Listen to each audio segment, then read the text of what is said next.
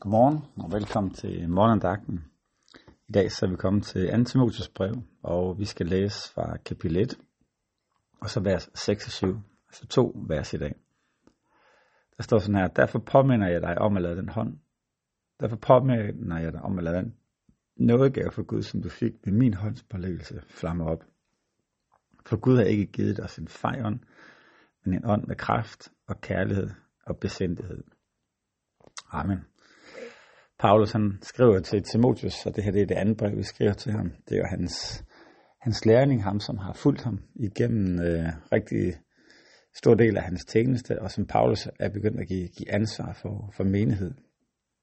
Og øh, nu skriver han til ham for at opmuntre ham og guide ham og, og hjælpe ham i den tjeneste, han, han står i. Og øh, vi kører her i sætningen, der starter med at sige, derfor påmindet om at lade den nådegave for Gud.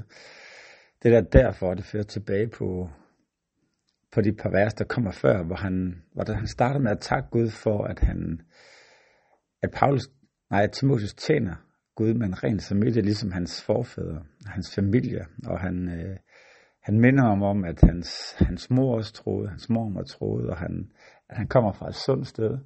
Han kommer fra et sted, hvor troen altid har været. Og så siger han, derfor påminner dig om at lade den nådegave for Gud, som du fik ved min håndspålæggelse, flamme op. Spændende vers, ikke? Den siger noget om, om nådegave. Den siger om, at der er noget, Gud kan give en speciel nåde til. Så siger den noget om, at den er blevet givet ved håndspålæggelse.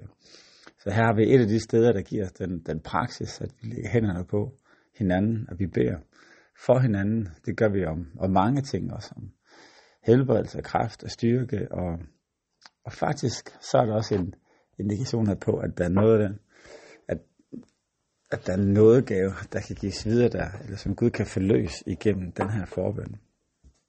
Og der er noget her, som Paulus han har bedt for. Og vi får ikke vide, hvad det er for en nådegave.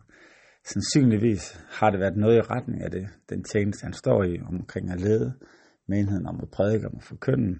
Men det kunne også være andre ting. Det kunne også helbredelse, det kunne være en flere ting. Men øh, det interessante er, hvad det kommer herefter, fordi så står der, for Gud har ikke givet os en fejånd, men en ånd med kraft og kærlighed og besindighed.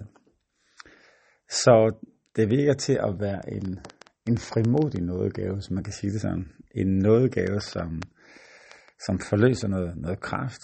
En nådegave, som folk øh, ser og lægger mærke til. En nådegave, som, som er tydelig. Og, øh, og derfor så er, det, så er det noget, han skal holde fast i, og ikke, øh, ikke, ikke fejne. Der står nemlig i vers 8, der står skam, der derfor ikke vil vidnesbyrd om ved Herre eller ved mig, hans fange. Så for Gud har ikke givet os en fejånd, men en ånd med kraft og kærlighed og besindighed. Gud har ikke givet os en ånd, der gør, at vi skal pakke det ind, der gør, at vi skal holde det for os selv, der gør, at hvis der er en, en anden logik omkring os, så skal vi ikke sige noget. Men han har givet os en, en ånd med kraft og kærlighed og besindighed. Tre spændende ord og, øh, og summe lidt på. Ikke? Kraft, kærlighed og besindighed. Kraft, det er noget det, det er det Gud han giver.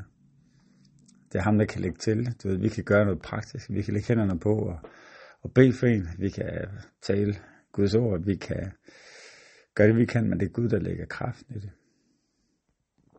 Kærligheden, det er kilden og grundmotivationen til at, at gøre det. Hvis vi gør det, hvis vi prøver at bruge forløs Guds kraft ud af anden, noget andet end kærlighed, så er vi gået skævt på det.